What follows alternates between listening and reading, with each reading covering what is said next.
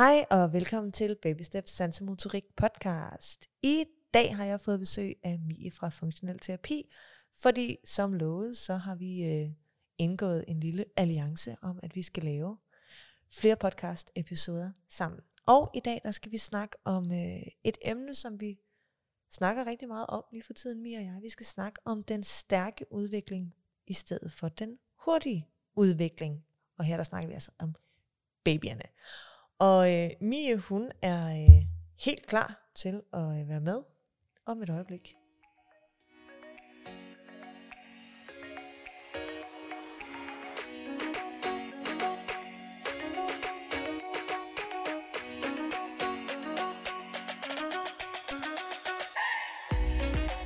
Hej Mia. Hej. Skulle du lige til at tage en tår vand? Det skulle jeg nemlig. Velkommen til. Tak. Hvis nu man ikke har hørt øh, nogle af alle de mange andre episoder, som du er med i, vil du så ikke lige starte med at lave en kort præsentation af, hvem du er? Jo, jeg er Mie og er ergoterapeut og har funktionel terapi, som har klinik i Køge.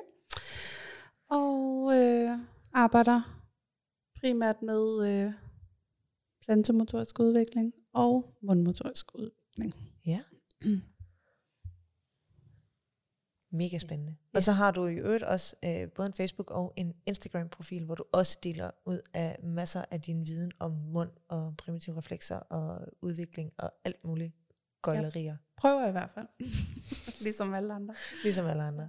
Alt det, vi har tid til.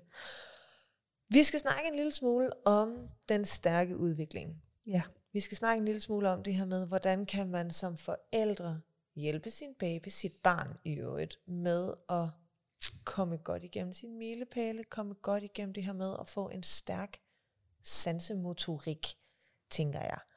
Øhm, og vi skal måske, tænker jeg umiddelbart, spole lidt tilbage til at sige, den helt lille baby. Mm. Hvordan kan vi som forældre hjælpe den helt lille baby til at nå sin første motoriske milepæl? Ja, altså man kan sige, når babyen er helt lille og spæd, så øhm, er der jo nogle begrænsninger i forhold til på maven. Fordi sådan helt barnets anatomiske, jeg tror også vi talte om det i et af de andre afsnit, men sådan rent anatomisk har barnet sådan armene meget inde mod kroppen, så det at komme op og ligge stabilt på maven, inden barnet er tre måneder, er ikke så nemt det behøver jo ikke at ligge perfekt på armene og de ting, så har der været mange masser af sjove råd med at skubbe armene ind under kroppen, eller lægge dem på en armepude, eller gøre forskellige ting, som, mm. øhm, som så får barnet til at se ud, som om at det ligger bedre, men der er sådan en helt idé, altså sådan helt naturligt, at barnet ikke behøves at skal ligge op i den der perfekte maveleje, mm. når det er så lille. Altså man kan sige, det at barnet ligger på maven i den her sådan lidt, ja, med armene ud til siden, som sådan på kyllingevinger. Ja, præcis. Og måske ligger med, med kinden eller hovedet på skrå.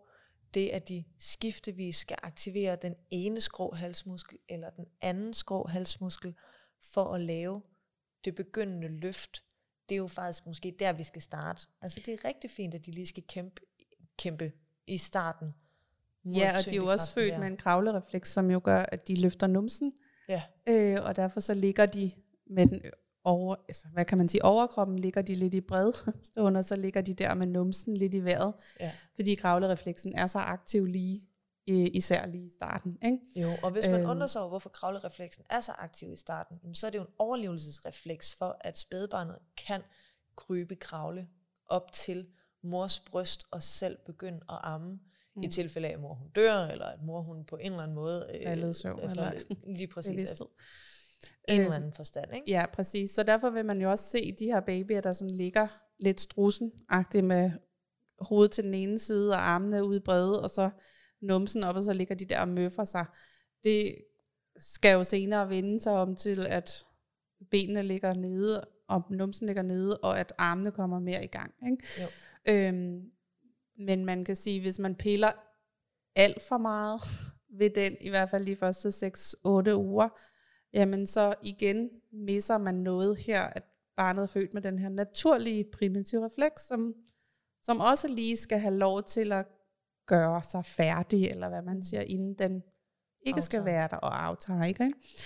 Øhm, og så har vi jo, altså det er den maveliggende, det er jo os, der placerer barnet, fordi som helt spæd er barnet jo ikke selv i stand til at vende sig hverken fra ryg til mave, eller omvendt. Vi ser nogle gange børn, der vælter, når vi lægger dem på maven, så vælter de, øh, fordi hovedet simpelthen er for tungt, eller de har allerede der en favorittid, som gør, at de har en asymmetri, og så tilter mod den ene side, og det skal man i hvert fald være opmærksom på.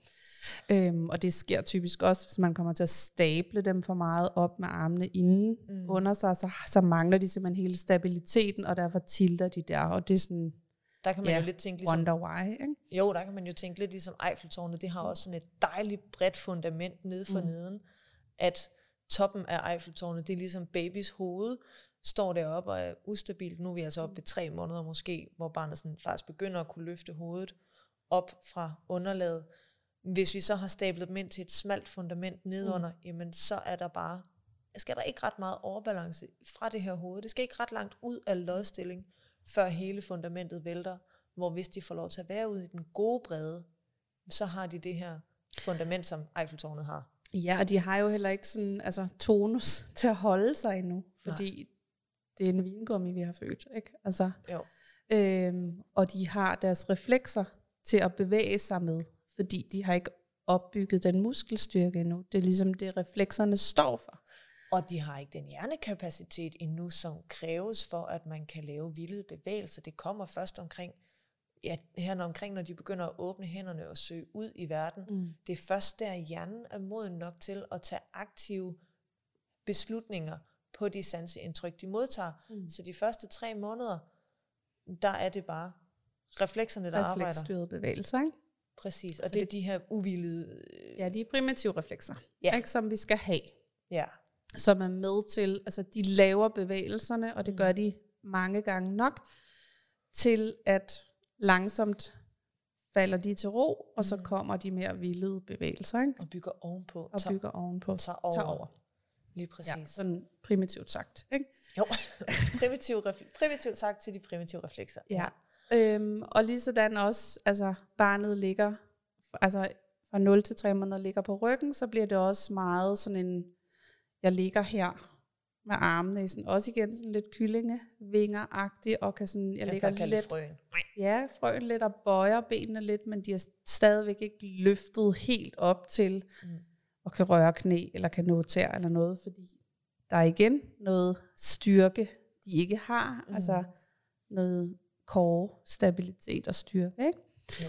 Øhm, og de har ATNR-refleksen også, som, som forhindrer dem i at trille om på siden, fordi de ligger i stabilitet. Altså ATNR-refleksen er også med til at stabilisere baby i rygleje. Når jeg drejer mit hoved, så bliver min krop liggende. Mm. Og så sjovt nok, hvis den så er fået blevet senere hen, så gør den faktisk det modsatte. Ikke? Men, men den er med til at stabilisere, at jeg kan begynde at kigge efter min arm. Jeg kan rotere mit hoved efter min arm, men stadigvæk ligge i stabilt rygleje. Øhm, så vi har de her reflekser for ligesom at sikre os, at når vi er helt små og spæde, men så kan vi begynde at bygge langsomt styrke op, uden at ligge der og, og vælte på kryds og tværs. Ikke? Jo. Og vi kan begynde at, altså, at løfte hovedet langsomt og bygge små step op. Ikke? Lige præcis. Øhm, så altså, man skal være tro mod det, vi er født med. Altså at lade det gøre og lade det være. Lad det Øhm, arbejde. Ja, og støtte op om, at det kan få lov til at arbejde, fordi det er faktisk en, en idé.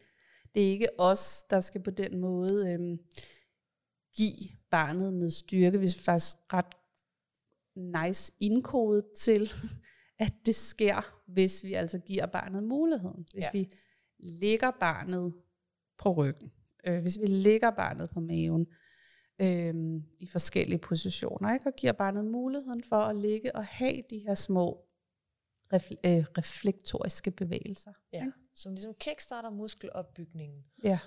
Og nu sn- snakkede vi sådan lige, nævnte du lige det her med, at vi skal ikke stable dem op på albuerne, vi skal ikke stable dem op på, øh, hvad hedder det, armepuder og sådan nogle ting. Men man kan jo godt gøre nogle ting for at hjælpe barnet til ikke at skulle løfte hovedet fra det flade underlag, men få dem lidt mere op i en løftet øh, ja. position, altså få lige hjulpet dem op over det første stykke af tyngdekraften mm. her. Altså, og det mest nærliggende er jo bare at bruge mor eller fars bryst, ja. øhm, fordi der får man også en masse tryghed, og man får en masse hud mod hud. Øhm, der er et par øjne, der ligger lige Der er noget, man der. kan søge, dufte, man kan søge efter øjne, visuelle stemmer. Ikke? Ja. Øhm, og med far for at lyde en lille smule alternativ, så er der et nervesystem, som man kan mærke mm. lige under sit eget nervesystem. Der er små vibrationer i mor og fars stemmer, stemmer, og ja. så som vi brøger ud gennem hals og brystkasse, ja. som giver en ro til baby, i stedet for at skal ned og ligge på et fremmed, koldt gulv, gulv måtte, puslebord, som ikke giver synderligt meget nærvær og kærlighed. Ja. Ja, og jeg tænker også, at mange kan sådan relatere til, at når de kigger på deres barn liggende på puslebordet, det ser sådan virkelig ud som om, at de sådan ligger ovenpå det. Altså, giver det mening? Ikke ja. bare sådan ligger ovenpå det, men de ligger sådan nærmest ovenpå det, ovenpå det. Ja, det kan hurtigt se lidt kunstigt ud. Og igen, vi snakker jo de her 0-6 ugers baby, eller 0-8 ugers baby, og dem sådan helt nye, hvor vi sådan, åh, oh, Jesus mand, vi har bare fået at vide, det er mavetid, mavetid, mavetid. Mm. Hele tiden, hver gang du skifter, hver gang du ligger, bla bla bla. Men altså det der, sådan, take it easy. Yeah. Nyd din tid. Der er så meget god mavetid på mor og på far. Ja. Fordi at der er masser af andet stimuli tilbage. Ja. Og plus vi har den her vinkel, ja. som også gør, at barnet ikke skal arbejde sindssygt meget imod tyngdekraften. Ja, og tyngdekraften er bare en bitch. Undskyld mit sprog. Men det er hårdt at gå fra vand i mors mm. mave. Opdrift. Ja, til luft og vores tyngdekraft, ikke, ja. som vi har. Øhm, så igen, små skridt, mm. baby steps, øhm, og nyd tiden med babyen. Altså ja. slå to fluer med et smæk, mavetid, nærvær, hud mod hud, alle de her ting, og, og barnet har noget at fokusere på. Øh, ro, i stedet for at det bliver koldt og træning. Og en anden god måde at starte ud med at få bygget noget, noget muskelstyrke op i maveleje, er jo også at have barnet maveliggende på en underarm, hvor mm. man ligesom kan støtte hoved, hage i sin hånd, og barnet kan ligge her ind mod en krop, mærke et varmt underlag, mærke noget, igen noget nærhed, mm. noget nærvær, og at, at få lidt hjælp til sådan at, at holde positionen her. Ja. Øh, og noget andet, som jeg også tit tænker, det er, at det kan være nemmere for barnet at holde positionen i forhold til at få aktiveret reflekser og alle de her ting, når det er en dynamisk bevægelse. Altså i det, vi ligger på en underarm, så er der noget bevægelse, som bliver sat i gang for barnet, mm. som er med til at genaktivere en fyring fra hjernen, gensender signal ud til musklerne, ud til reflekserne, eller hvad mm. vi skal mm. kalde dem, ja. muskeltenene, ja. og siger, hey, løft hovedet, løft hovedet, løft hovedet. Den ja. har man ikke i den, i den Nej, præcis. Og passive. du har hele tiden den her tryghed, altså varmen, øh, hjertebanken, roen, ja. til at barnet også altså ikke er alene. altså, det er sådan, nu ved jeg godt, at vi meget sjældent ligger helt små, bare sådan bum hen i kravlegården eller på gulvet, og hvis vi er på bussebordet, så står vi også ansigt til ansigt og siger, hey, hey lille ven, jeg er lige mm. her, og alle de her ting. Men, men samtidig er der bare en anden, altså du får hurtigere mange flere minutter ind, ja, når, når du har den her mavetid på mor og på far. Og du tager en masse stress af mor og far, fordi de faktisk, de ligger bare og nyder baby. Ja. Øhm, og de tænker sådan, gud, er det også træning? Ja, det er, sådan, det er virkelig den naturlige træning, og det der med at give plads til, at vi faktisk har det her sindssygt kloge system medfødt, ja. som hvis vi ikke er hæmmet af en eller anden spænding, nedsat bevægelighed, agtig, hvis vi sådan er født med fri bevægelighed, så vidt det er muligt, så, så sker mange af tingene helt af sig selv hvis ja. vi bare ikke parkere dem alt for meget i babycontainer og andre ting. Og babycontainer kommer jo i mange former og farver. Ja, præcis. Øhm, men hvis vi skaber rammen for, at baby kan ligge og bevæge sig og have Mm. mavetid og alle de her ting i forskellige muligheder, så, så sker der bare sindssygt mange ting. Øhm, men man skal også huske rygtiden. Ja. Altså, det er ikke kun mavetid. Nej, og der tænker jeg, en ting, som er rigtig vigtig at pointere, det er måske, når vi snakker mavetid, og vi snakker, så snakker vi jo ikke træning af maven. Så snakker vi træning af at ligge på maven. Men når man ja. ligger på maven, så træner man nakke, hals, man træner ryg. Senere hen bevares, når de begynder at komme op på armene og løfte maven med, så har vi også noget maveaktivitet. Mm. Men hvis du går ned i fitnesscenteret, og du skal træne dine mavemuskler, hvordan placerer du dig så? Typisk på ryggen jo. Ja, præcis. Men man kan sige, der er jo, ja, vi træner ryg og nakke, men, men der er også hele den her stabilitet, og det er derfor, vi ikke skal pille alt for meget ved babyens armposition, Mm. før det selv er klar til det. Ja. Det er, at hvis jeg stabler dig ind på det her meget smalle Fundament. fundament, så piller jeg også ved det, der skal støtte op om, at du skal holde dig stabil. Ja. Øhm, og derfor så ligger man for meget koncentration på nakken alene, Mm. og den er ikke stærk nok til det endnu. Øhm, hvorimod, at hvis man lader baby blive i det her brede, altså, så er der en masse andet, der, der støtter op. Ja.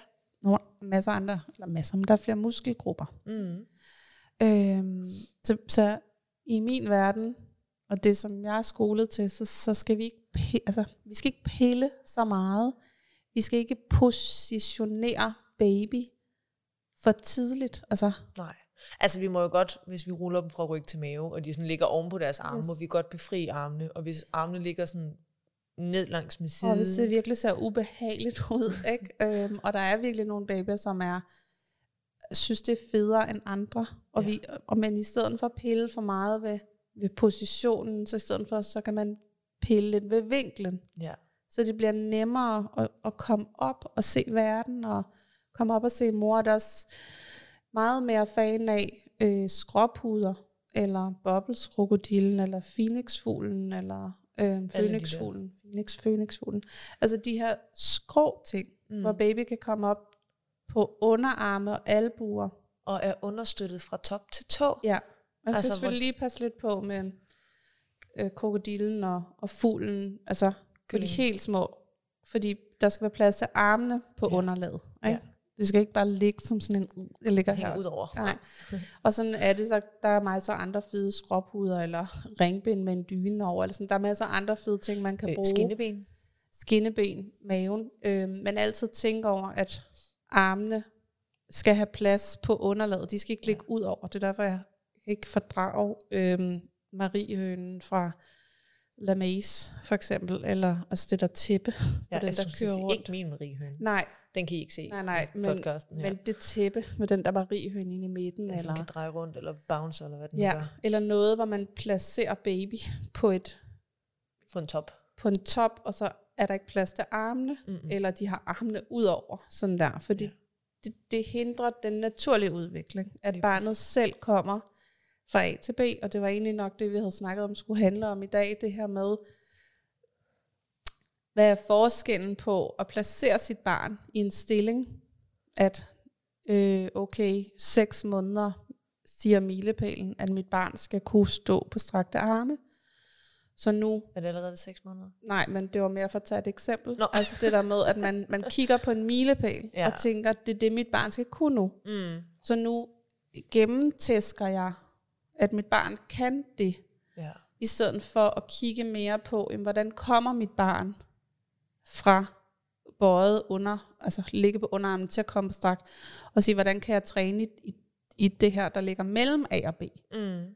Så et af milepælen vil vi gerne opnå, men hvordan opnår vi, og hvad ligger der imellem de to? Ikke? Ja, og, og der er en ting, som gør, at man måske, det lyder lidt bagvendt, men for at træne den næste milepæl, kan man jo virkelig hjælpe sit barn og understøtte det i den milepæl, det er i Mm. lige nu. Ja. Altså er dit barn begyndt, nu hopper vi lige nogle milepæle over, er dit barn begyndt at pivotere jamen så lav en hel masse pivoteringsleje, fordi det er med til at styrke de skrå muskler og de mavemuskler og hele den core-kontrol, som skal til for at komme op på strakte arme og videre frem i et kryb for eksempel.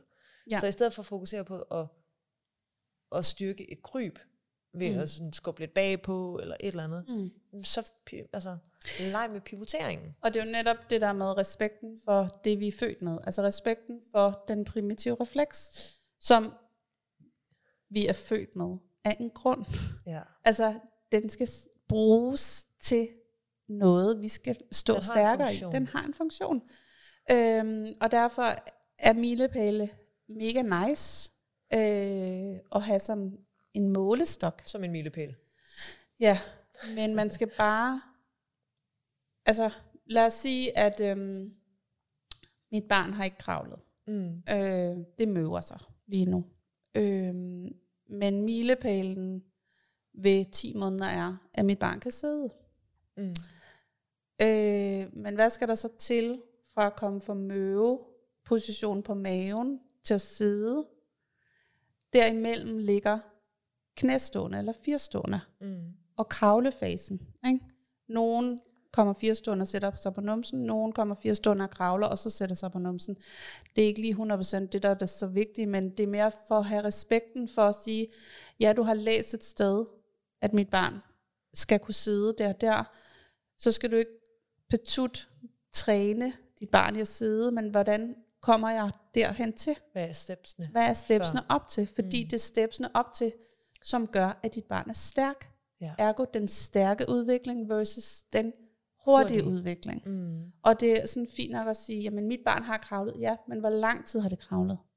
Altså kravlede det hen til en dør og rejste sig op, og så har det ikke sat sig ned igen lige siden? Ja, så har det kravlet.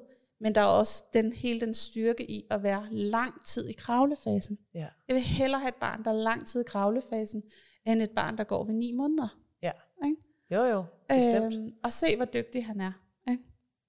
Ja, men der er æderspandere med ret meget ofte masser af styrke, som ja. der mangler.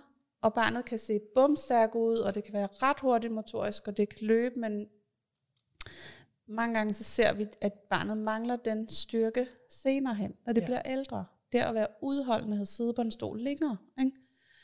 Øhm, og der er virkelig meget diskussion om hele den her kravlefase. Det snakkede vi også lige om før. Ikke? Men, men den her med, hvorfor er det, vi så hurtigt bevæger os væk fra det naturlige? Mm. Altså hvorfor er det, vi har så travlt med at overleve versus at leve? Altså det normale versus det optimale. Hvorfor er det ikke okay at støtte op om noget så naturligt som at kravle?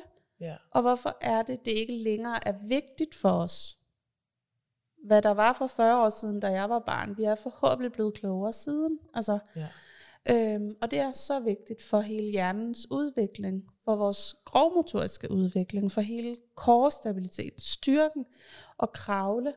Og der kommer mere og mere fokus på, desværre, vi er rigtig mange, der råber højt om det, men der er desværre også rigtig, rigtig mange, som taler om, at ah, det skal nok gå. De Jeg havde- klarer sig alligevel. Jeg havde faktisk en mor, der sagde rigtig fint, øhm, jamen, at- hun havde nemlig fået at vide, det skal nok gå, altså de, de lærer jo at gå på et eller andet tidspunkt, eller et eller andet, hun Mm. lidt, altså hvis, hvis det sådan ligesom er, er, er barn Hvis det er standarden. for, og at det, ja. det er godt nok, at de, Mm. Altså, ah, kunne Og- vi og ikke det- godt have lidt, lidt større ambitioner for, ja, lige hvad præcis. der er hvad der er fedt, altså også for barnet at være i, og senere hen. Og hvad der er optimalt. Altså, hvor, hvorfor er det, hvorfor har vi sænket barn ja. så lavt? Altså, hvorfor er det blevet normalt, at det går nok? mm. Ja, vi er godt klar over, at baby dør ikke, fordi den ikke kravler. Altså, og, og der er masser af børn, de klarer sig. Og der er heldigvis også masser af børn, der klarer sig som, rigtig der godt, klarer sig rigtig godt. Og, og det, er jo ikke, trives. det er jo ikke dem, vi ser i Nej. vores terapi. Altså, Nej. halleluja, lad dem være og nyd det, og lad være med at sidde derude bag skærmen, eller med den her podcast i ørerne, og, og blive snus fornærmet over, at hov, hov, så siger du, at der er noget galt med mit barn. Det er jo ikke det, vi Ja, siger. eller lad være med at høre dit barn nødvendigvis i det, vi sidder og snakker om, fordi vi ser altså, vi er ergoterapeuter, vi behandler, vi ser de børn, som har det svært. Ja, præcis. Og det er jo tit Så dem, vi hvis- taler ud fra, når Hvis vi du sidder her. derhjemme med et barn, der ikke har kravlet, og som, som ingen sansemotoriske udfordringer har, whatsoever, Mm. trives i skolen, trives i det sociale, altså ikke har nogen udfordringer, så ser vi der forhåbentlig heller ikke i vores klinik. Altså Præcis. selvom, øhm, fordi vi hjælper dem, der har brug for det. Ja. Men det vi bare kan se, det er, at mange af de her børn, der netop ikke har været lang tid i kravlefasen, de har nogle udfordringer Mm. med balancen. Også selvom de har gået lang tid. Også selvom de løber til alt. Det er jo ofte det, der er udfordringen, det er, at de har lidt for meget fart på, fordi så kan de nemmere kontrollere det. Ikke? Ja. Så børn, der løber til alting, de har ikke god balance. Men Nej. det kan man hurtigt tro som forældre, fordi se, hvor meget fart de har på. Ja. Men når vi i terapien beder dem om, vi trækker tempoet ud af lejen, så kan vi se, hvor meget de struggler, hvor Og- meget de spænder op og har brug for at øge tonus helt sindssygt for at kunne holde balancen. Ikke? Og der kan man jo sige til forældrene, der er det lidt ligesom, hvis du skal cykle. Det er væsentligt lettere at øh, lære at cykle i fart, end når vi tager farten af. Det er det samme i forhold til at Ja. gå og stå. Og, ja, stå er svært i fart, men Og det er netop derfor, man kan sige, det er ikke nødvendigvis noget at stræbe efter, at dit barn skal komme op og gå hurtigt, og, og ret hurtigt begynde at løbe. Mm. Fordi hele den her start-stop-bevægelse, styrken til at kontrollere, til at stoppe op, til at squatte ned, til at komme op og til at sætte Mm. i gang. Ja. Det er sådan ret grundlæggende hele det at kunne styre sin egen overkrop mod tyngdekraftens mm. træk mod gulvet, Ja, langsomt og kontrolleret. der ligger ret meget grundstyrke i det. Helt vildt meget. Og den vores grundstyrke kommer- for det. I kravlet. Ja. Og det snakker vi i øvrigt også om i podcasten, lige før den her motorisk uro, eller den hedder, hvad fuck er motorisk uro, hvor jeg har børneergonen Camilla Eising med. Lige præcis det her med at få skabt, nu snakker vi igen om fundamenter, Mm. få skabt et fundament for vores børn, som gør, at de har styrke og balance mm. til at kunne være i deres hverdag. Ja. Og for så at gå tilbage til babyerne, jamen når vi har dem igennem deres stille og roligt, langsomt, hver milepæl opbygger styrke, integrerer reflekser, Mm. til at den næste milepæl, til at den næste refleks kan gå ind og arbejde, tage over, hjælpe kroppen ind i den milepæl, vi er nået til, Ja. så styrken kan opbygges Mm. og tage over, og refleksen forhåbentlig ligger sig ned og falder Ja. i søvn, eller går i dvale, eller Hvad, hvad den nu gør. det. Men det er muskulært lige pludselig. Det er vildede bevægelser, vi har Mm. med at gøre. Ja. Det er hjernen, måske ikke på det bevidste plan, men så på hjernestammeniveau, der tager beslutningen om at udføre handlinger baseret på de sanseindtryk, der kommer. Jamen for de skal det, kan man sige, skal de jo på hjernestammen og lillehjernen være automatiseret. Ikke? Ja. Øhm, Og det kan de kun igennem bevægelser, altså gentagelse, gentagelse, ja, gentagelse. ja, ja, ja. Altså, bevægelser er at leve. Ikke? Altså, vi, vi skal bevæge os, ellers så dør vi. Ja. Øhm, og det er også sjovt nok også der, vi bliver stærkere. Og derfor så skal man virkelig også sådan, tage det med et græns salt, når man får at vide, at mavetid er det vigtigste. Altså fordi, ja, det er det, men det er også det at Mm. komme ind og ud af mavetid. Det er også det at få bevæge i forskellige planer. Præcis. Altså det her med, at mavetid og træne mave, jeg har rigtig mange lige nu, hvor, hvor de kommer her, og baby er blevet mega stærk i at ligge på maven, og ligger højt, og de elsker at ligge på maven. Mm. Men de kan stadigvæk ikke rulle fra ryg til mave, Ja. fordi de bliver lagt på maven. De bliver lagt på maven, eller de bliver lagt på ryggen og rullet om på maven. Ja, man kan sige, det er jo ikke, altså det er jo ikke sådan, at så bliver du lagt på maven, så bliver du bare bombestærk på ryggen, fordi hvis du ligger på maven godt, Mm. øh, så bliver du også stærk i maven. Altså, Det du bliver stærk all Men du- around at ligge på maven. men, men du lærer bare ikke at rulle fra ryg til mave, hvis du, ligger, hvis du, hvis du hele tiden bliver rullet derom. For eksempel. Det er svært Nej, at nå den og så vil jeg sige, hvis det er det eneste, du fokuserer på, altså hver gang Mm. der er vågentid, så har du fået tudet ørerne fulde, at du skal lægge dit barn på maven. Og det er der jo rigtig mange, der gør. Ja, og så er det så her, man siger, det er også dejligt. Men det kunne også være dejligt, at baby lå på ryggen, og sansede lærte at sanse, lærte at, at være stabil i rygleje, lærte at tage armene ud foran kroppen, øh, ind, ind på midten og krydse over midterlinjen. Og, To hænder, der samarbejder, det er også Yes. svært på maven. og, og have knæerne, altså 90 grader i hoften, og ikke mindst lære sine knæ at kende, lære sine tæer at kende, som også er rigtig meget. Men det er i hvert fald svært at Mave. finde fødderne, hvis man ligger på maven. Det er nemlig svært at finde fødderne, når man ligger på maven, men det er også rigtig vigtigt. Altså, der er så mange øhm, fagpersoner, som er totalt imod aktivitetstæpper, det at lægge sin baby på ryggen under aktivitetstæpper, man bare sådan tænker, nej, det er der ikke noget galt i. Det er mm. måden, du bruger aktivitetstæppet. Ja. Altså, placerer du det øh, her hen over hovedet, så barnet skal ligge i en flitsbo, eller placerer du det her hen foran brystkassen, så bare baby skal ligesom samle sig ind og, og gribe ind mod midten, og, eller du kunne også placere det nede omkring fødderne, så baby faktisk lå og løftede og sparkede lidt til det, Eller ud til siden. eller ud til siden skal kigge og gribe og krydse over. Altså, det er måden, du bruger det på. Det Ligger er, baby der hele dagen, eller er det ligesom mavetid mm, et mm. samspil mellem dagens aktiviteter? yes, men det, det er lige så vigtigt at få rygtid, som Mm. det er få mavetid. Ja. Det, det er jo igen, det snakker vi ergoterapeuter om altid, altså det næste stilling. Ikke? Det, er, Mm, det er ja. samspillet, det der at komme fra A til B. ja. Øhm, Og det er jo også det, der er med til at skabe bevægeligheden. Altså at vi giver barnet en fornemmelse af sin egen krop i mange positioner. ja, Altså vi præcis. laver rigtig meget den leg her til sansemotorik, hvor, hvor vi samler, når baby bliver stor nok til, at vi kan samle knæ og hænder sammen, samler baby sammen, og så ligger stille og roligt og laver den her trilleleg fra den ene flanke eller side til den anden, ja. Og vi kører den helt langsomt, men sådan så baby får en fornemmelse af at mærke underlaget på hele sin ryg. Men netop også det at sige, okay, men hvad skal der så til, når du skal trille? Mm. Det er ikke kun at blive vendt på morkranen, der kommer og ven- vender ind. Det er faktisk, der sker noget, at Der nu aktiveres begynder jeg at få hænder til lov. Så begynder jeg at få hænder til knæ. Mm. Og så begynder jeg at få hænder til fødder. Og nu ligger jeg faktisk her klar, samlet, til at kunne aktivt, muskulært trille mig rundt. Ja. Og derfor laver vi også den leg på holdet, at vi samler baby ind ja. og viser til det her ind i den her position, At du skal rulle rundt. Ikke? Ja. Så man kan sige, her støtter vi op om en milepæl. hen over maven for yes. At lave et rul. Vi skal op og have aktiveret nogle mavemuskler. Vi støtter op om den milepæl, du skal nå hen imod. Vi Mm. guider dig i den.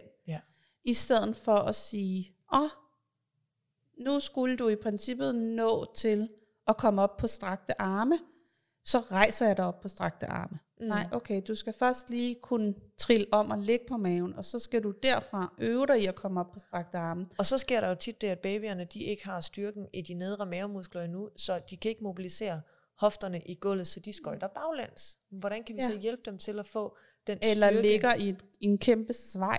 Ikke? Ja. fordi de slet ikke kan aktivere og ligesom spænde op og kigge bækkenet ind, Ja. fordi de ikke har fået den første step, nemlig at samle sig sammen på ryggen og aktivt selv trille om på maven. Præcis. Og det, og det er virkelig sådan, åh, jeg kan næsten ikke sige det mange gange nok, men hele det her med, jeg elsker milepæle, fordi det guider mig i at ligesom sige, hvor skal jeg støtte op om det hos den enkelte familie Ja.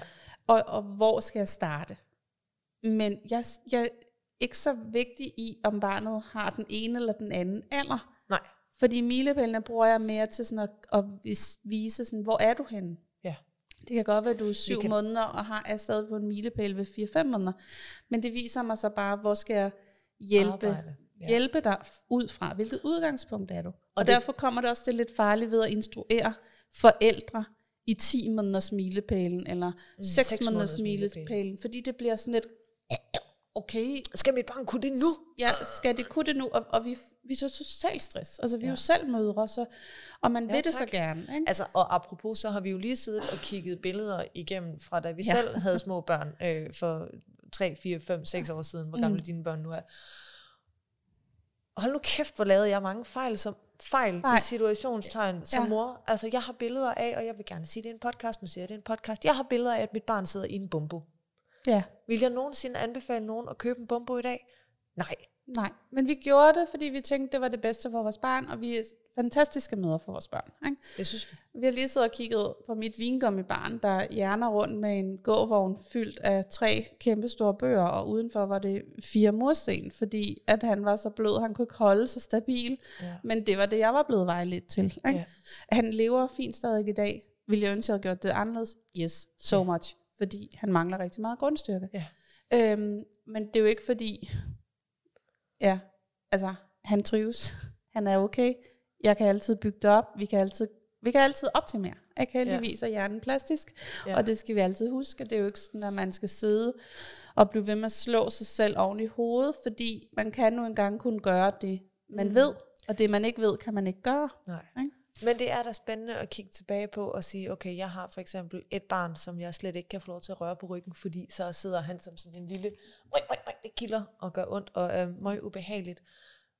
Hmm, okay, hvorfor er du så sensitiv i ryg? Hvorfor er det, du stadigvæk løber i sådan lidt en bredstående, selvom du faktisk er en altså motorisk stærk knægt? Mm. Det er ikke fordi, du altid har fart på, men er der måske alligevel noget i et eller andet mm. i forhold til, Har han fået nok rygtid, for eksempel? Har han Præcis. fået nok stimuli i rygleje til at kunne hjælpe til, at galantrefleksen integrerer sig? Ikke? præcis, Øhm, har har han, stået kravlet, nok i den der hundestilling og rocket har han rokket tilbage? sig et STNR? Og det, det er jo også igen something we need to address. Altså det her med at sige, jeg vil gerne have mit barn til at kravle. Yes.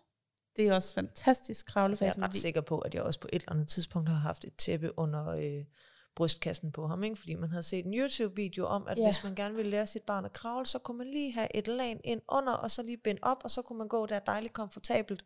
Og se, og hvor de kravler. med dem. Ja, og, og igen, jeg kan virkelig ikke sige mig fra, øh, f- for at jeg ikke har vejledt på et eller andet tidspunkt i min karriere.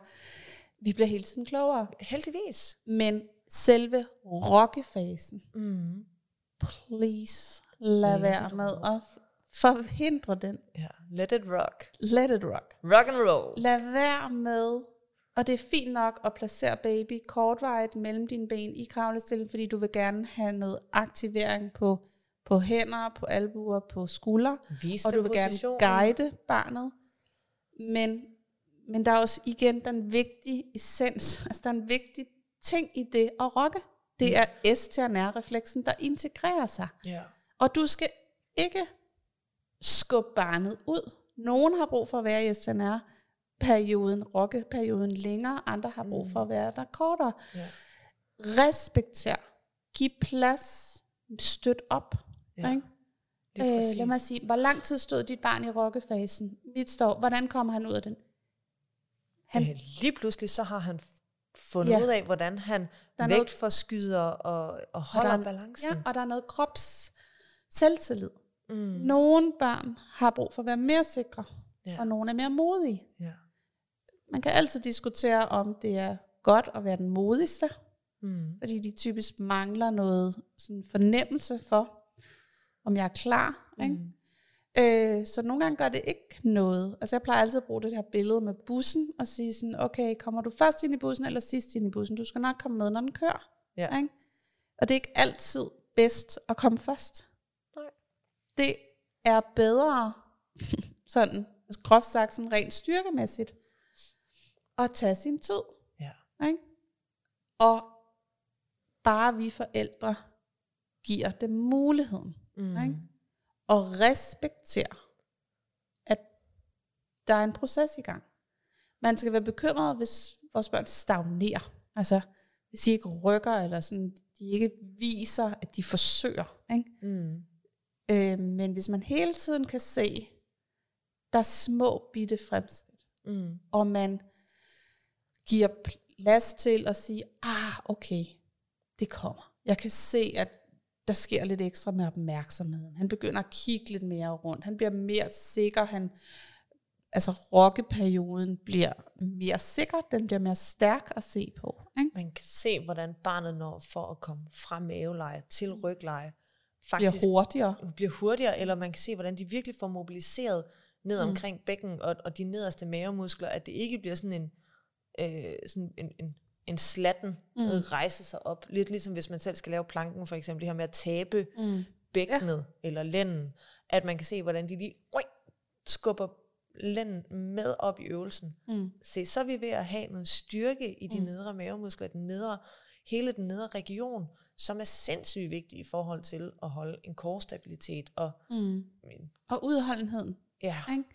Altså, og det er jo, hvad man kan sige, jeg, jeg har fuld forståelse for, at man gerne vil hjælpe sit barn fremad. Ja. Ikke? Øh, og, og vi skal jo også motivere dem. og vi skal Jo. motivere, men, Altså- men man skal ikke sammenligne, at nu kravler Viggo fra mødergruppen, og min mm. Er stadig i møveleje. Altså, oh, hvordan, hvordan fik du Viggo op? Eller? Nå, men jeg min er ikke ham. engang i mø, altså, min Ja. møver ikke engang. Nej, præcis. Men det bliver hurtigt sådan, Nå, men jeg satte ham bare her. Ja. Okay, det fik jeg lige vist. Eller sådan et eller andet. Om, okay, men så gør jeg også det. Ja. Fordi vi mødre, hvis ikke, altså, da du og jeg blev mor første gang, så havde vi jo ikke den erfaring. Så der var vi bare mødre. Ja. Ikke? Jo, jo. Lige så godt have været kontorassistent faktisk. Så Ja. lidt viden havde jeg om baby og, og krop. Altså, no offense kontorassistenter, men meget lige for at sige sådan vores område.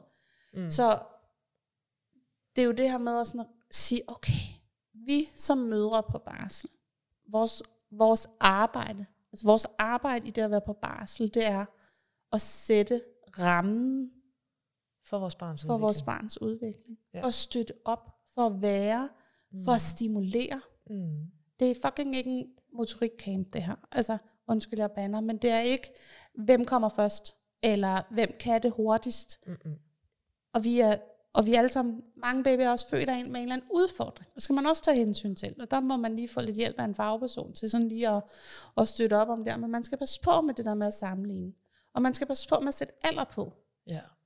Fordi det er jo bare en guideline for, at vi som fagpersoner kan se, hvor skal vi støtte op? Mm. Hvor skal vi hjælpe? Det er jo ikke sådan vigtigt, at du kommer med dine 10 måneder, og han ikke kan skubbe sig op, men så er der noget galt. Nej, hvad kan han så? Ja. Ikke? Og hvor skal Og så støtte for- op? Og hvad for nogle forudsætninger har han haft for at nå dertil? Ja. Altså jeg kan huske vores Vito der, han er 6 i dag, han bliver 7. Øhm, vi startede terapi, og der var de sådan lidt, okay, han er 10 måneder nu, han kan kravle, øhm, I skal have ham op og stå. Altså han er så gammel nu, at han skal op og stå. Og altså se det i bagspejlet, så altså vidderligt, jeg kan, ja, jeg kan blive irriteret på mig selv, over at jeg ikke udfordrede den. Men man Fagperson. kommer jo som mor, som forælder, og ikke som fagperson. Man søger jo Mm. en fagperson, fordi man ikke ved, hvad fuck man skal gøre. Ja. Hvis man vidste, hvad man skulle gøre, så var man jo ikke gået derhen. Nej, præcis. Jeg var også i en terminsgruppe med en, og de gik også øhm, til en anden terapeut. Og der var det også sådan lidt, okay, nu er barnet 8-9 måneder der, det skal kunne sidde op. Mm. Vi skal træne dem, og så blev det ellers ligesom sat op på terapeutens brix, og så blev forældrene vist, hvordan de kunne støtte op om hofterne, fordi nu skulle det her barn bare lære noget stabilitet. Ja. Og, og mor var sådan lidt, det klingede lidt hult, men det var jo det, terapeuten havde sagt, de skulle. Ja. Og så havde jeg ligesom en snak med hende og sige, okay, men, men hvad skal der til for, at dit barn faktisk kommer op og, og sidde? Altså, hvad, hvad kunne vi ellers arbejde med? Fordi stabiliteten er vigtig, ja. Ja. Men hvad er det for en stabilitet, vi lige nu træner? Vi er i gang med at sætte et barn op, som faktisk slet ikke kan komme på numsen. Ja. Og vi vil gerne have børn, kan sidde, men vi vil rigtig gerne have børn, der kan sætte sig selv. Ja. Ikke? Og dermed ikke sagt, altså fordi vi har, så har vi jo hele paradokset i forhold til øh, introduktion til fast føde, Ja. som jo ligger omkring de der 4 til seks måneder. Det er lidt forskelligt, hvornår mm. Man starter, hvornår man bliver anbefalet til at starte. Det er ikke det, vi skal snakke om nu. Men de fleste børn sætter sig jo først selv op, når de er 8, 9, 10, Ja. 11 måneder. Ja. Og der har du et ret langt øh, Ja, spænd man kan ikke hen. vente så lang tid med give mad, vel? Nej. Øhm, Altså, så, det er der så der må der man, gør, men- ja, og det må de jo så om, kan man sige. Ikke? Det, det har vi jo masser af børn også med spiseproblemer og sådan noget, der først spiser til den tid. Men, men der må man nogle gange lige vægte lidt højere.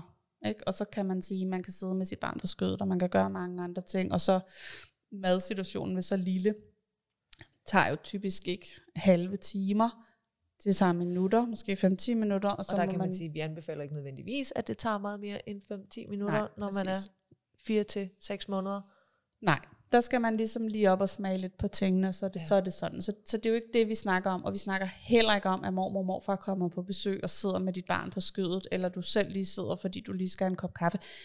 Nyd det og slap af i det. Ja. Vi snakker om, at du lærer dit barn og s- sætter det på gulvet, stabler det rundt om med nogle puder, så Sætter hvis det det vælter, stemmer, sætter det i en bombestol, sætter det op i barnevognen, og det er ikke på turen hjem, og der er skrig og skrål. Altså, kom nu. Men det der med, at man tænker, uh, jeg skal have en barnevognspude. Fordi De barn er virkelig flotte. de er mega flotte, og de sælger så godt.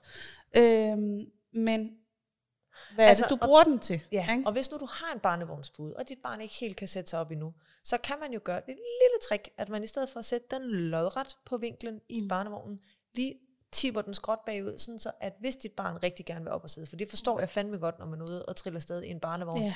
at de synes måske ikke, det er det mest spændende at ligge derinde på ryggen og glo lige op i luften. De vil også gerne op og se ja. Godt lægge Verden. den på maven den anden vej. man kan også lægge den på maven.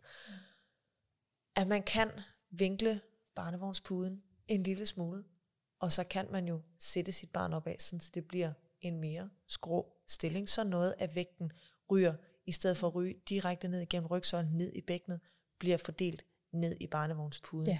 på en vinkel. Og så kan man køre afsted, øh, ikke hele timer med sit barn siddende der, men hvor de kommer op og kan opleve verden og få nogle indtryk ind den vej. Ja. Sidde og orientere sig om omgivelserne og reagere på dem. Og så skal man også bare vide, at den tid skal nok komme. Ja. Den tid skal nok komme, hvor du kan trille rundt med dit barn, der kan sidde. Ja. Ikke? Til den tid er dit barn også meget mere klar til at tage verden og sende inputtene ind, fordi Helt sikkert. det ting hænger så sjovt nok også sammen, at når jeg har stabilitet nok Ja. til at være op og se bam, så kan jeg bedre tage ind. Ikke? Ja. Øhm, ligesom at barnet typisk også har meget bedre øjenkontakt og fokus, når det ligger stabilt i maveleje, for Ja. eksempel. Ikke? Eller det ligger stabilt i rygleje. At når vi giver barnet stabilitet, så kan det bedre fokusere. Ja. Øhm, så, så igen vid, du skal nok gå ture med dit barn i barnevogn og klapvogn og se og kigge, og han sidder og spiser og alle de der ting. Den tid skal nok komme. Ja. Men lad være med at have så travlt. Nyd det, hvis der skriger skrål, og I skal hjem, og det, at du lige sætter dit barn op, til I kommer hjem, so be it. Jeg siger altid, lad den siddende stilling være den sidste, du afprøver. Mm. Prøv andre ting. God en. Øhm, vid, at det er okay, Mm. men forsøg noget andet først. Ja. Mavetid med hovedet ud mod dig. Gå og Ja. sludre. Ha' en vikle med, en bæresele med. Mm. Ha' noget andet, der lige gør det. Og hvis lokummet brænder, øhm, så sæt dit barn op og have ro i det. Og Ja. så gå hjem og have noget guldtid i stedet for. Ikke? Jo. Lad være med at give dig selv så dårlige undskyldninger. Mm. Øhm, men Og det- samtidig også lad være med at købe dig fattig i hjælpemidler. Men hjælpemidler, de er jo, altså babyprodukter, det sælger. Det, Og der er, det er- skabt, behovet er skabt for producenten. Ja, ja. Ikke? Og du skal slet ikke være i tvivl om, at producenten nok skal fortælle dig, at mm. du har behov for deres produkt. Uden tvivl. Og det er sådan set uanset, hvad det er for et produkt, du har derhjemme lige nu. Skråstol, bambu, stokke. slyngevugger, siger jeg sådan lidt forsigtigt herovre. Jamen Mm. uden tvivl. Og slyngevognen er jo fantastisk. Vi havde også selv en, men altså mere for at sige, lad os bare, altså stokke babyseat, kan vi bare sådan tage et godt eksempel. Ja, ikke? babyindsatsen til... babyindsatsen. ja, Fordi uh, det er da dejligt at have sit barn op ved bordet og skal følge med. Mm. Men det kunne lige så vel være en madras eller en dyne på bordet, hvis man havde plads. Hvis man har husdyr eller andre ting, kan jeg også godt forstå, at det ikke er særlig fedt at have barnet på gulvet. Hjemme ved os har vi faktisk nogle gange spist på gulvet, fordi så kunne børnene ligge der. Ja. Øhm, men mere for at sige, det er stadigvæk et behov. Vi tænker, kæft, det er smart. Men det er smart, fordi der er en producent, der har vist os, hvor smart det er. Ja. Ikke? Øhm, ja. Ja, men, og der kan man så igen sige, de har jo så også læst ind i et behov, som de måske selv har haft. Altså, øh, slyngevuggen er jo opstået på baggrund af, at rigtig mange går rundt og rocker rigtig meget med deres børn. ja.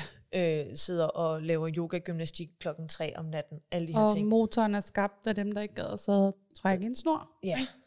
Det er Ja. også svært, når du sover og sidder og trækker en snor. Ja, præcis. Øhm, jeg skal ikke være afvisende for, at vi måske også skal have en øh, vuggemotor på et eller andet tidspunkt, Bestemt. når vi skal have nummer to, for der er fandme ikke nogen grund til, at vi skulle gå så mange ture øh, med et grædende barn i en bæresele. Men så er vi igen tilbage til, hvor lidt ligesom vi snakkede om med aktivitetstæppet. Hvor længe ligger mit barn her? Mm. Hvorfor skal mit barn ligge her hele tiden? Ja. Altså ikke som i, at vi tror, at I ligger jeres børn der hele tiden, fordi så kan I slippe for at høre på dem. Men Nå, men eksempelvis, altså, der er det sådan lidt, det kan godt være, at jeg er terapeut og sidder her og er klog, men jeg fandt mig også selv mor til et barn, mm. som ammede 20 gange om natten. Jeg ved godt, hvordan det er at være presset. ja. Og man skal ikke sidde og tænke om mig, at uha, du er bare så klog, og du ved det hele. Nej, og det er bestemt ikke for at shame nogen, Nej, der har en slyngevugge Fordi med det motor. folk bare skal huske, det er, jeg er selv mor til et barn med reflux, der har Ja. skrevet alle vågne timer. Ja. Jeg er mor til et barn, to børn med stram tungebånd. Den lille har ikke sovet. Altså, Ja. jeg har ikke sovet i to år. Mm. Uden tvivl. Jeg, jeg ved godt, at det er svært.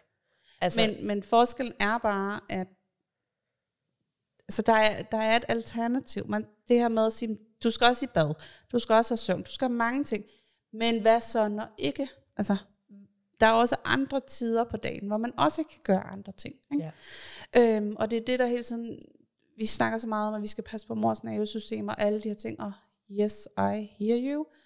Øhm, men vi skal også have den gode og den stærke udvikling hos barnet, mm. fordi de skal faktisk leve i den her krop ja, resten af deres liv.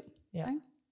det er præcis. Øhm, ja. Og, altså jeg vil sige, jeg er sikker på, at min kæreste, han gerne ville have været for uden at stå med Flukke i en øh, autostol og øh, lave øh, rygøvelser klokken to om natten for mm-hmm. at få Mhm. ham til at sove i faktisk nøjagtigt den bevægelse, som slyngevuggen Mm.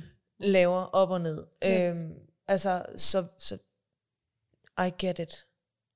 Vi havde ikke jeg, jeg er ikke engang sikker på, at den Vi havde ikke motoriserede slyngevugge med den eksisterede, største. Da, da Flukke, eller så var det så nyt. Altså jeg kan huske, at det var totalt wow, at der var en fra mødergruppen, der havde en slyngevugge med en snor i. Ja, det havde vi nummer to. Vi havde den ikke til nummer et, og jeg lånte faktisk en, da han var de der 3-4 måneder. Jeg tror simpelthen bare, det var for sent. Altså, han synes ikke, det var en fest. Altså, Nej. han sådan, wow. Så med, med Vito, der var det sådan en pude, Mm. eller så en dyne, og så var det en yogabold. Ja. Ham kunne jeg altid ligge. Altså, Ja. når han først sov, så kunne jeg ligge ham. Det var vejen til søvn, der var forfærdelig. Men når han sov, så sov han. Og så sov han tre timer Uh. like forever. Altså set i bagspejlet var han jo drømmebarnet, men da jeg var på barsel med ham, var det forfærdeligt, fordi han ja, var så ramt sensitiv, og sådan kunne ikke holde, holde sig nogen. Mm. Men da så fik nummer to, som jo så, altså vidderligt den mindste bevægelse, eller, altså der var foranderligt. Han kunne ikke ligge stille. Han skulle være i bevægelse hele tiden. Men der skulle vi jo have slyngevugge. Øhm, ja, og så kan man så sige, hvis jeg skulle være mor til nummer tre, så ville jeg nok igen gøre det anderledes. Altså, Ja. jeg ville nok spørge mig selv lidt, om jeg kunne putte på en anden måde. Ikke? Men, men jeg vil ikke være slyngevuggen 100% for uden. Nej. Det vil jeg ikke. Fordi der er også nogle andre børn, øh, man lige skal tage sig til, og der er også noget mad, og man vil også gerne lige gå lidt for sig selv og sådan noget. Og I hear you. Og, øhm, men der er forskellen på, hvor, hvor massivt man bruger det. ja. Ikke? Jo. Og sådan er det med alle hjælpemidler. Det er sådan, Og det er lidt det, jeg lidt er, bange for, at vi kommer til at få, næsten at få snakket slyngevuggen ned som sådan et uh, shameful øh, redskab Bestemt lige nu, og det er bestemt ikke vores uh, hensigt. Det tænker jeg, vi runder slyngevuggen af med. ja, ja, ja. Nu, nej, nej, nej, bestemt. Jeg, Vi forstår jer. Jeg har stadig min. Den står på min ønskeliste, når jeg engang skal have et barn igen. Ja, Øh, der går og, og sådan år. er det bare med mange andre hjælpemidler. Det er sådan, man skal virkelig sådan spørge sig selv, at, altså, er der et alternativ? Mm. Hvorfor har jeg den? Og hvad, hvordan vil jeg bruge den? Altså, øhm, bevægelse er fedt, Ja. men hvor voldsom bevægelse? Altså, og hvad er der et behov for, at den skal stå på max? Og alle de her ting. Altså, Ja. det, det skal bare sådan, måske und, altså man skal stille sådan nogle undrende spørgsmål. Ja. ikke? Men det var heller ikke lige hjælpemidler, det skulle handle om. Det var mere det her med at give pladsen til, altså støtte op om, at Ja. ja. barnet kan nå Sin milepæl. sine milepæle. Og det, for at vi kan det, så skal Mm. vi give plads til bevægelser. Ja. Og bevægelser, de her bevægelser kan ikke være i en skråstol, eller en bombo, eller en slyngebukke hele tiden. Det skal være gulv, eller mor. Så, eller sådan et leje, et ligge. Og, og de her bevægelser skal være der må også være noget af det andet. Ikke? Jo, jo. Og, og Man må gerne køre en tur i barnevognen, man må gerne gå rundt med sit barn i en bæresele eller Mm. mm. en slynge, og man må gerne tage på café med sit barn. ja, Det vi siger ikke, at man skal sidde hjemme på gulvet og glo på sin baby, eller ligge og lege øh, 8 timer om Nej. dagen med sit barn. Bestemt ikke. men har man været på caféen hele dag, Hmm. så er det nok ikke caféen hele dagen næste dag. Nej. Så er det måske hjemme, eller invitere veninden hjem til en kop kaffe. Ja. Hey, tager du kaffe med? Og så kan børnene lege på gulvet. Ikke? Lige Altså det der præcis. med nogle gange give Og hurra for pladsen. barselscaféer, ikke? Jo, mega Fedt- nice. fedt Eller et koncept. sted som dit, ikke? Altså, Jo, jo, kom og få en kaffe og, og sidde på gulvet, ikke? Altså, men altid vid, okay, vi fucking har kørt til Stror i den her weekend, eller sådan. Altså, mm. vi har Mm. siddet i en bil i fem timer. Måske skal vi ikke lige ud til 20 familiemedlemmer der. Altså, Ja. Hele tiden vid, at hvad er, Hvad tilbyder vi vores barn af mulighed for at udvikle sin krop og hvad er forældrenes behov versus barnets behov. Og der skal Ja. være en balance, Ja, ikke? lige præcis. Og, og, og der skal ses mennesker, og der skal nydes, og vi skal også gå til noget, fordi vi er et socialt væsen, og corona har været forfærdelig. Vi har ikke set nogen mennesker og sidder og glode i en væg, nogen. Ikke? Øhm, så, så vi skal ud. Men hvordan vi gør det. Ikke? Ja. Øhm, og give plads til det. Og så er det det her med at lade være med at hænge sig så meget i, hvornår skal de kunne det, men mere, hvordan gør de det, og hvordan kommer de derhen til. Mm. Øhm, og så alt det her med symmetrien, altså asymmetri, asymmetrisk kravl, og altså du ved, vi vil gerne have, når det så bliver gjort, så vi vil gerne have, at det bliver gjort ordentligt i situationstegn, altså symmetrisk, krydskryb, øh, kravl, komme op og stå, firestående, hvordan rejser du dig ordentligt, squatter du ned, altså alle de her ting. Øhm, og er man i tvivl der, så kan man jo altid kontakte en terapeut, ikke? Jo. Øhm, men, men, men det er sådan det optimale. Mm. Jeg elsker det optimale, fordi øj, hvor har vi talt om det normale meget. Ja, Ikke? Normalt, det er normalt, normalt det er normalt. Og hvad er normalt? Det flytter sig hele tiden, fordi der er flere og flere, der er i det. Altså det normale er jo bare medianen, ikke? og medianen jo. den flytter sig med, at altså, jo flere dårlige der er, jamen, jo mere vil medianen flytte sig til Ja, det er noget, der er normalt. dårligt. Ja, præcis. Øhm, så vi, vi er med på, at vi ikke alle sammen kan optimalt øh, have x antal måneder her, og lige præcis på den her måde, og alle de her ting. Men vi vil gerne stræbe efter det. Ja, vi vil gerne i hvert fald give muligheden for det. Ja. Ikke? Jo. Og vi vil gerne, altså det der med også sådan at, at uddanne jer forældre til at have tiltroen til, at det kan I godt. Mm. Ikke? Og at man godt må, øhm, altså det der med, at man må godt være lidt kritisk, uden at man nødvendigvis ser der er noget galt med ens barn. Altså, Ja. man kan godt undre sig lidt over, sådan, hvorfor kravler du kun med den ene arm og det ene ben? Mm. Hvad, mm, kunne man optimere? Hvad, det er bare sådan, der, der er noget vigtigt udviklingsmæssigt at, at, at være symmetrisk. Ikke? Jo, jo, men jeg synes også tværtimod, at vi må, altså vi skal også,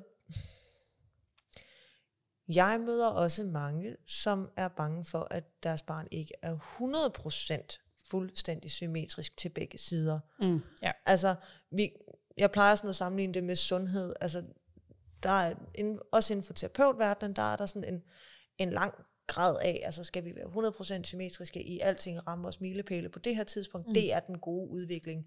Og så er der andre, der ligger et, et sted nede på skalen, der hedder, det er okay at gumpe sig fremad, og Mm. mm. så længe vi overlever, så har vi nået målet. Jeg plejer at sammenligne det med, der er nogen, der går på McDonald's flere gange om ugen, og det er sundhed for dem. Ryger en pakke cigaretter måske, det er stadigvæk sundt. Og så er der andre, der er paleo, og øh, dyrker Mm. fitness hver dag, og, øh, og det er sundhed for dem. Ja. Så kan vi ligge alle sammen et eller andet sted inden for det Mm. spektre. Og altså, ja, det synes jeg Der bare, skal være plads til den enkelte. Ikke? Jo. Men samtidig, og det er, sådan, det er jo altid der, hvor dine og mine diskussioner, de, sådan, de mødes altid til sidst, men, men du vil sådan, du er jo virkelig fortaler for, at der er plads. Altså sådan, uh, her der vi skal rum. Og det elsker trivsel. jeg også. Ja, trivsel. Men hvad er trivsel? Jo, jo. Og, og hvad er det normale? Og det er Ja. sådan, åh, oh, det er en fed diskussion det her, og jeg håber virkelig ikke, folk de sådan falder af på den nu. Men fordi det er, sådan, det er jo ikke fordi, jeg vil noget ondt, eller der ikke er Nej. plads til noget andet, men det er fordi, For mig er det et billede. For mig er det sådan helt, åh, vi er bare, vi, vi er bare født med den her fedeste, fedeste computer, øh, hvor vi bare sådan kan ting ind, og for hver bevægelse, så giver det, fører os videre til noget andet, og bla bla bla. For mig er det sådan helt nørdet ting, at sige sådan, hmm, men hvad er det, der ligger til grund for, at den her mangler, den her bevægelse? Altså jeg bliver sådan fuldstændig slugt i det der, det er også derfor, jeg ikke længere kan stimulistikhold, altså, eller sansemotorikhold, fordi jeg, jeg bliver for Der er virkelig meget få ba- babyer, der er så 100% symmetriske i samtlige milepæle, at Ja. man kan være i det, hvis man har de øjne på altid. Og det og forstår jeg bliver jeg godt. slugt, men det er, jo, det er jo min egen craving efter at blive skarpere. Ja. Så det er jo ikke sådan, at jeg sådan tænker, "Ugh, du er ikke ud til højre med den baby. Eller tænker, altså, uh, kom ind til min terapi og bliv behandlet her. men jeg bliver sådan det, fuldstændig opslugt i at tænke, ah, men nej, jeg kan også se, at barnet har også stramt tungebånd. Mm, jeg kan også se, der er også noget her. Der er også... Og så bliver jeg sådan helt slugt i det her med forståelsen for, ja. altså, hvorfor det er det. Mm. Og, og, og det der mit øje, det snakker vi tit om, sådan at jeg kan bare s- se det på så lang afstand, men det er jo ikke fordi, at jeg så ikke underviser den mor, eller gør nogle andre ting. Der er masser af plads i min klinik. Men jeg bruger den forståelse til senere hen. Mm. Ikke? Også når jeg har store børn, 9, 10, 11 år, og de forældre kan komme og sige, ja, men han kravlede altid sådan lidt sjovt med det ene ben ud til siden. Mm. Ah, okay, og i dag ser jeg, at når han skal stå på højre ben, så kompenserer han mere. Og du siger til mig, at det var også højre ben, han havde ude. Altså, så for mig bliver det sådan en helt... Jeg Men får hvis han enderne nu- til at mødes. Men hvis han, det barn, han har så til synlædende en årsag til, at han kommer i din klinik. Ja. Hvis han nu aldrig nogensinde havde haft andre årsager, end at han stadigvæk stod lidt sjovt mm-hmm. på sit ene ben, når han skulle stå der og balancere, så var han nok ikke kommet i din klinik og havde Nej. fungeret rigtig fint. Nej. Altså, så det er jo spændende at se i forhold til de børn, som også har noget andet med. Ja. Men de børn, som fungerer, selvom de har været. Men det er jo så der, hvor jeg siger, tør vi tage chancen? Ja, det er jo så det.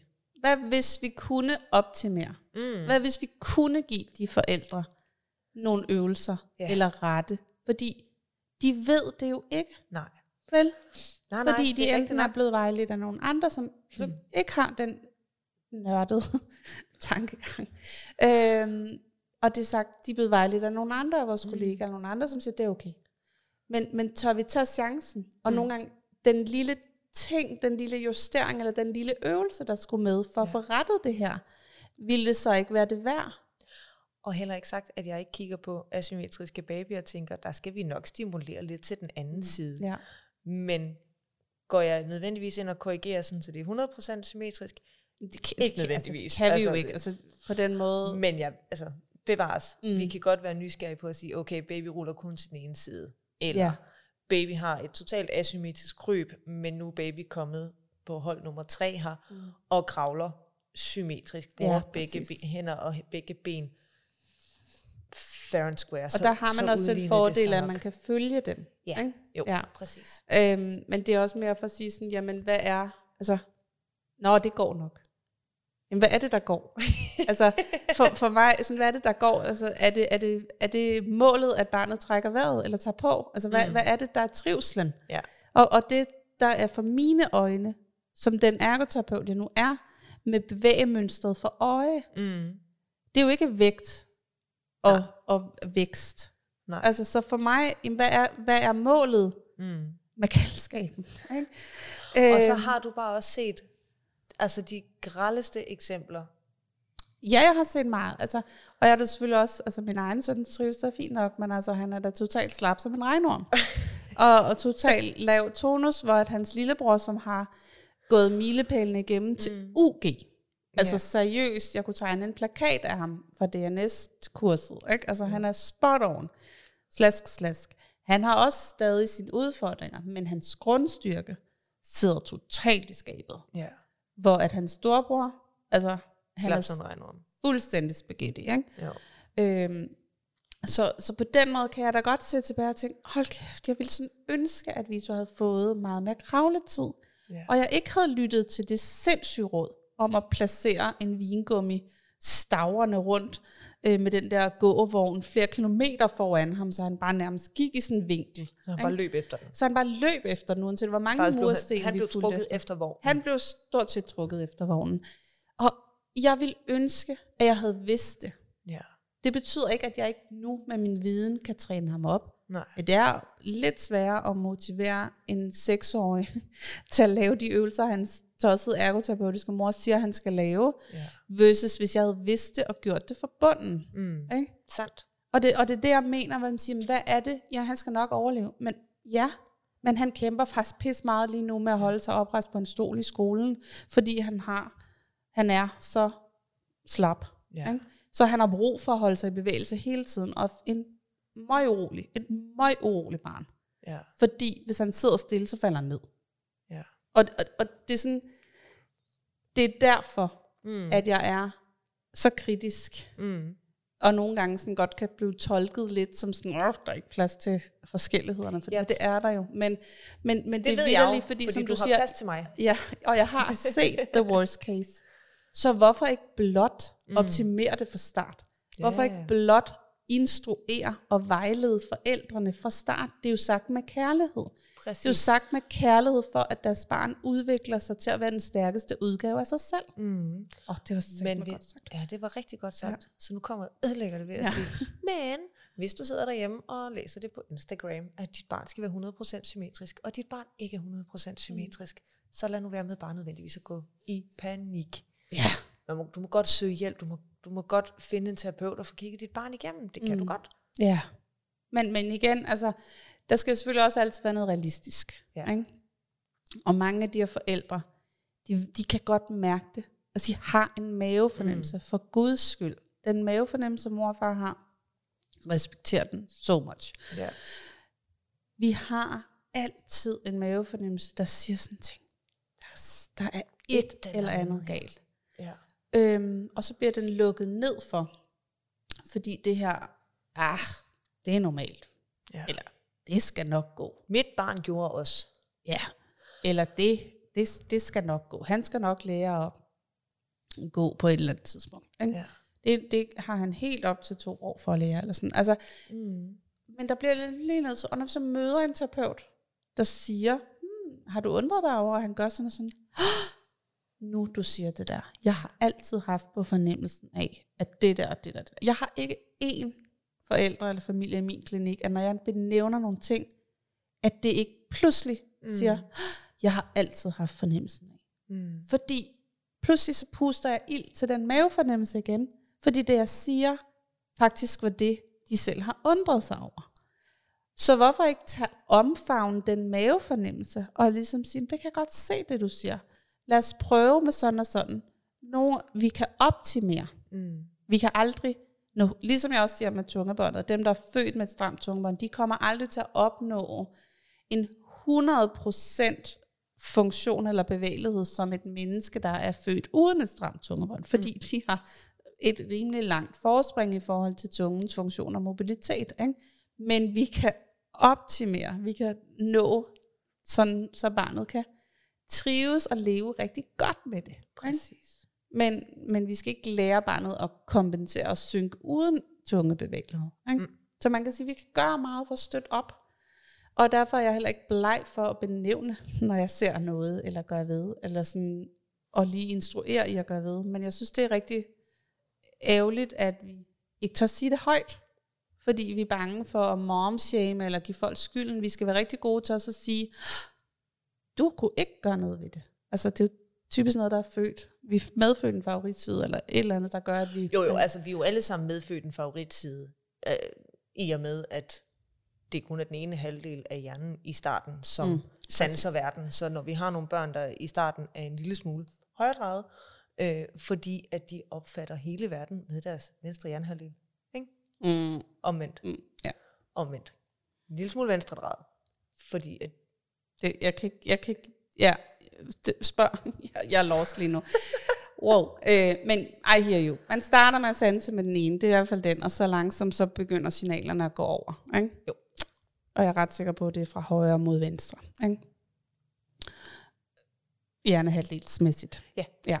Øh, men anywho, så selvfølgelig er der altid et eller andet, og vi kan have ligget skævt i maven. Der kan være sket noget ved fødslen, vi kan være taget ved kejsersnit, vi kan være taget med kop, vi kan have fået en lynfødsel, vi kan, du ved, der er masser af ting, som der kan være sket. Det er aldrig morens skyld. Nej. Altså, så alt det der mom-shaming, eller gå og have dårligt samvittighed, Ja, nej, nej, nej. vi kan kun gøre, hvad vi ved. Ja. Og hvis du sidder og tænker, nej, det er mit barn. Ja, men så favn det. Mm. Læs det. Ja. Tag det til dig og mærk det. Lad være med at sige, ej, jeg skulle have gjort noget ved det før. Hvordan skulle du have gjort noget ved det før? Du har aldrig vidst det før. Præcis. Jeg har, Så stop den dårlige samvittighed. ja. ASAP, altså man kan ikke gøre noget ved det, men favn den viden, du får, og vid, altså jeg, jeg kan jo ikke gå og leve mit liv, at Vito er slap i dag, og slå mig selv oven i hovedet, for jeg vidste ikke. Jeg tog en anden terapeuts ord, og jeg troede, at hun vidste det. ja. Ikke? Og hun har sikkert hjulpet masser af andre børn, Som har det fint i dag. som har det fint i dag. Ikke? Øhm, så igen, mor og far, Mm. I er født til at være mor og far. I er født til at være kærlige og nærværende og give mulighed. I er ikke født til at være ekspert på det motoriske område, eller på det psykiske område, eller I er skabt til at være og rumme, og, og give nærvær og tryghed og kærlighed. Ikke? Ja. Og, og hvad man ikke ved. Altså, ja, Har man ikke ondt af. Eller? nej, præcis. Men det, det er ligesom blevet sådan lidt nu, at vi skal Ja. have ondt af. Ja. Eller vi skal gå og have det dårligt med os selv. Ja. Og, og det er noget Vi skal tage Sorry. på os. kærligt sagt, det er noget pjat. Ja. Fordi det er ikke vores skyld, Nej. vel, som mor øhm, eller far. Vi skal bare get on. Altså, Ja. ja. tage det ind og se sådan, hmm, Og så ja. højere og så, videre. Eller? Og så ved, at hjernen og kroppen, er vi, vi, plastisk. kan, vi kan udvikle os, og vi Prøv kan forbedre. på, at engang der troede man, at øh, alt udviklingspotentiale stoppede efter hvad? 25. Så var det bare slut. Bum. Hjernen Ja. kunne ikke mere. Ja, præcis. Hold kæft, hvor er det fedt, at vi i dag ved, at hjernen og krop er plastisk. Det betyder, at den kan udvikle sig altid. Ja, og det, det, du ikke har været igennem, kan du altid komme igennem. Og det kan man være for eller imod. Der er nogle terapeuter, der siger til mig sådan, jeg kunne aldrig drømme om at bede et barn på 8 om at kravle. Altså det var sådan, åh, det er slet ikke meningsfuldt, men det kan godt være, at vi faktisk kan finde på nogle sjove aktiviteter for det barn på 8, som man synes er pisse sjovt. Spille kort, eller spille ludo, eller et eller andet, eller kravle hen, eller sådan. Jeg tror ikke, der er nogen børn, der græder over nogle af de øvelser, de skal lave hos mig for det meste, men, men det er mere for at sige, det som den terapeut har imod, det er, at jeg tager barnet tilbage i deres udvikling. Men når jeg siger sådan, jamen jeg tager jo ikke tilbage i udviklingen, jeg bygger nogle grundsten. Jeg Ja. bygger et fundament. Ikke? Lige præcis. Vi bygger fundamenter. Vi arbejder sansemotorisk. Vi arbejder med deres sansebearbejdning, deres sanseintegration, mm. deres evne til at tilpasse sig omgivelserne, og vi bruger kroppen og hjernens naturlige udviklingsmønstre til at arbejde ud fra.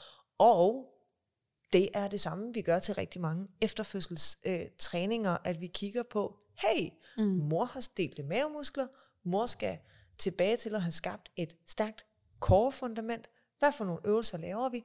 Jamen, øh, ned og lave nogle af de bevægelser og øvelser, som faktisk mimikker babyens bevægelser. Ja. Fantastisk. Altså, altså, og for mor er det faktisk en meningsfuld aktivitet. Mm. Og det kan det også godt være for en 8-årig. ja. Ja, Yoga. Øh, yoga er en mega meningsfuld aktivitet rigtig mange steder. De laver yoga i min søns børnehave. Han synes, det er en fest. Ja, præcis. Og der er faktisk rigtig mange af de her lidt større børn, de vil, når jeg siger til dem, at hvis du laver søstjernen, eller du ved, hvad jeg nu kalder mine øvelser eller et eller andet, så, så gør det faktisk, at du ikke synes, de larmer så meget ved skolen. Ja. Øhm, og det kan jeg så sidde og sige og bilde dem ind, men når så den dag, at 11-årige Magnus kommer og siger, ved du hvad, Mia, jeg synes faktisk, at jeg kan overskue at være i klassen. Ja. Så kom og sig til mig, at den aktivitet, jeg har sat det barn igennem, ikke er meningsfuld. Mm. Når han sidder og er gået fra øh, ikke at kan rumme, komme hjem hver dag med hovedpine, til pludselig nu kan være i skole, Mm. eller have fire til fem uheld hver nat, Mm. til nu pludselig to om måneden. Ja. Altså så kom og sig, at det jeg laver i min terapi, ikke er meningsfuld aktivitet. Ja. når børnene kommer så meget videre. Ikke? Så meningsfuld aktivitet er jo individuelt for den enkelte. Ikke? Ja, lige præcis. Og så hør, hvad det er, vi siger, og ikke, hvad det er, I tror, vi siger. Præcis. Øhm, og, og igen, sådan er det også med milepælene at sige, sådan, jamen vi kan godt være meget firkantede, når vi beskriver det, Ja. og, og når vi sætter det op, men de her milepæle er en guideline for os terapeuter til at måle, Mm. hvor er dit barn i dets udvikling. Ja. Der er ikke noget forkert i at være måneder efter, men hvor er dit barn nu, og hvordan kommer det hen til den milepæl? Ikke? Hvordan støtter jeg op om? Og hvordan er jeg som terapeut? Selvfølgelig kan man sidde på sin Instagram, og de elsker min Instagram, men øjet, der læser, og ørerne, der lytter. Altså det er altid så svært, når man ikke har, det har du og jeg jo også nogle gange, når motorisk uro er et klassisk eksempel, ikke? Altså det der med, sådan, du siger noget, jeg siger noget andet, og alligevel så viser det sig, at vi siger det samme. Ja, Øhm, vi bruger bare, det handler jo om at begrebsafklare. Ja, lige præcis. Og det der med at få en forståelse. Ah, okay, nå, så det du mener, eller det jeg siger. Og det kan jeg meget bedre, når jeg sidder en til en med en, vok- en forældre. Mm. Ikke? Og jeg kan vise det på deres barn, og, og lytte til dem og forstå dem. Ikke? Mm. Og om mit ord, nogen kan synes, at åh, hende Mia skal jeg fandme ikke hen til, hun lyder mega streng, eller hun har slet ikke øjnene på vores børn, mens andre forældre kan sige, Mia, hun mødte mig bare, hun fagnede mig bare, og det er så individuelt. Det er ikke min opgave, at alle kan lide mig, og omvendt, men det er min opgave at prøve, altså prøve at få det til at altså forstå det, og ikke føle, at det er din skyld. Ja. Ikke? Men, men vi kan ikke gribe og fagne og gøre ved alle, men jeg gør virkelig mit bedste til at få det sagt så professionelt som muligt. Mm. Velvidende også, at jeg hader ordet normal. Ja. Altså jeg hader det, at det er blevet normalt. Fordi det skriger til himlen Om stillstand. om stillstand, og at vi propper dårligdom ind i en kasse, Ja. uden at undre os. Og en anden dag, så skal vi snakke om søvn. Ikke? Altså, der er mange ting, vi skal snakke om i den her podcast, Der er om det mange her ting. med, og det er vi... derfor, vi har lavet en alliance Ja. om at lave en serie af podcast, og vi skal mødes ofte, fordi vi har været sammen siden, vi har været sammen i fire timer nu, og vi har snakket uafbrudt, og vi er slet ikke færdige med at snakke, men nu har vi Nej. snakket en time for Ja. lytterne, og Ja. øh, jeg er sikker på, at de lige nu er ved at have rødglødende ører, Ja. jeg vil sige. De er i Ja. hvert fald ved at være helt øre og vi i skal så meget gøre det igen. Jeg elsker det. Ja. Men, men for i dag skal man tage med det her med, at vi skal, altså milepæl er en ting, Mm. men vi skal også have fokus på vejen dertil. Ja. Og vi skal ikke have dårligt samvittighed over, at vores børn ikke er der på den alder. Men så skal vi undre os og søge hjælp, hvis vi har, hvis vi har en mavefornemmelse, siger, at der er noget galt, men vi skal støtte op om vores barn og give det muligheden for at nå milepælen. Ikke? Præcis. Om dit barn er 7,5 eller 11 måneder, når det kravler. Ja. Ikke? Men hvad ligger der før kravlet? Og hvordan kommer der hen til? Mm. Og, hvor lang længe. tid, og hvor lang tid er jeg i kravlefasen? Ja, Ikke? præcis. Mie, hvis man skal læse mere om dig, hvor skal man så gå hen? Mm, funktionalterapi.dk Ja. Eller Funktionel Instagram. terapi på Instagram og Facebook. Ja. Ja. Der er du at finde og deler gode ting og sager. Og øh, du har også en blog, hvor du deler om vidt og bredt af emner inden for sådan nogle ting her, som man jo også lige Ah, kunne... nu maler du det stort op, Anne Helene, men det skal du prøve at leve op til. okay, du har nogen blog jeg har skrevet nogle blogindlæg, der ikke været så meget det seneste tid, men måske skulle jeg tage, det, måske skulle jeg tage udgive noget mere. Og så har du en e-bog, Ja, der hedder glad på maven. Ja, Og øh, den linker vi til lige her i beskrivelsen, hvor du kommer med dine bedste idéer til, hvordan man kan komme på maven som baby. Og få det godt med det. Og få det Og godt også som mor, som at, og ikke, altså, at det, ikke, det skal ikke være så stressende at få en baby, der er glad for at ligge på maven. Nej, lige. Nej. præcis. Og med de ord,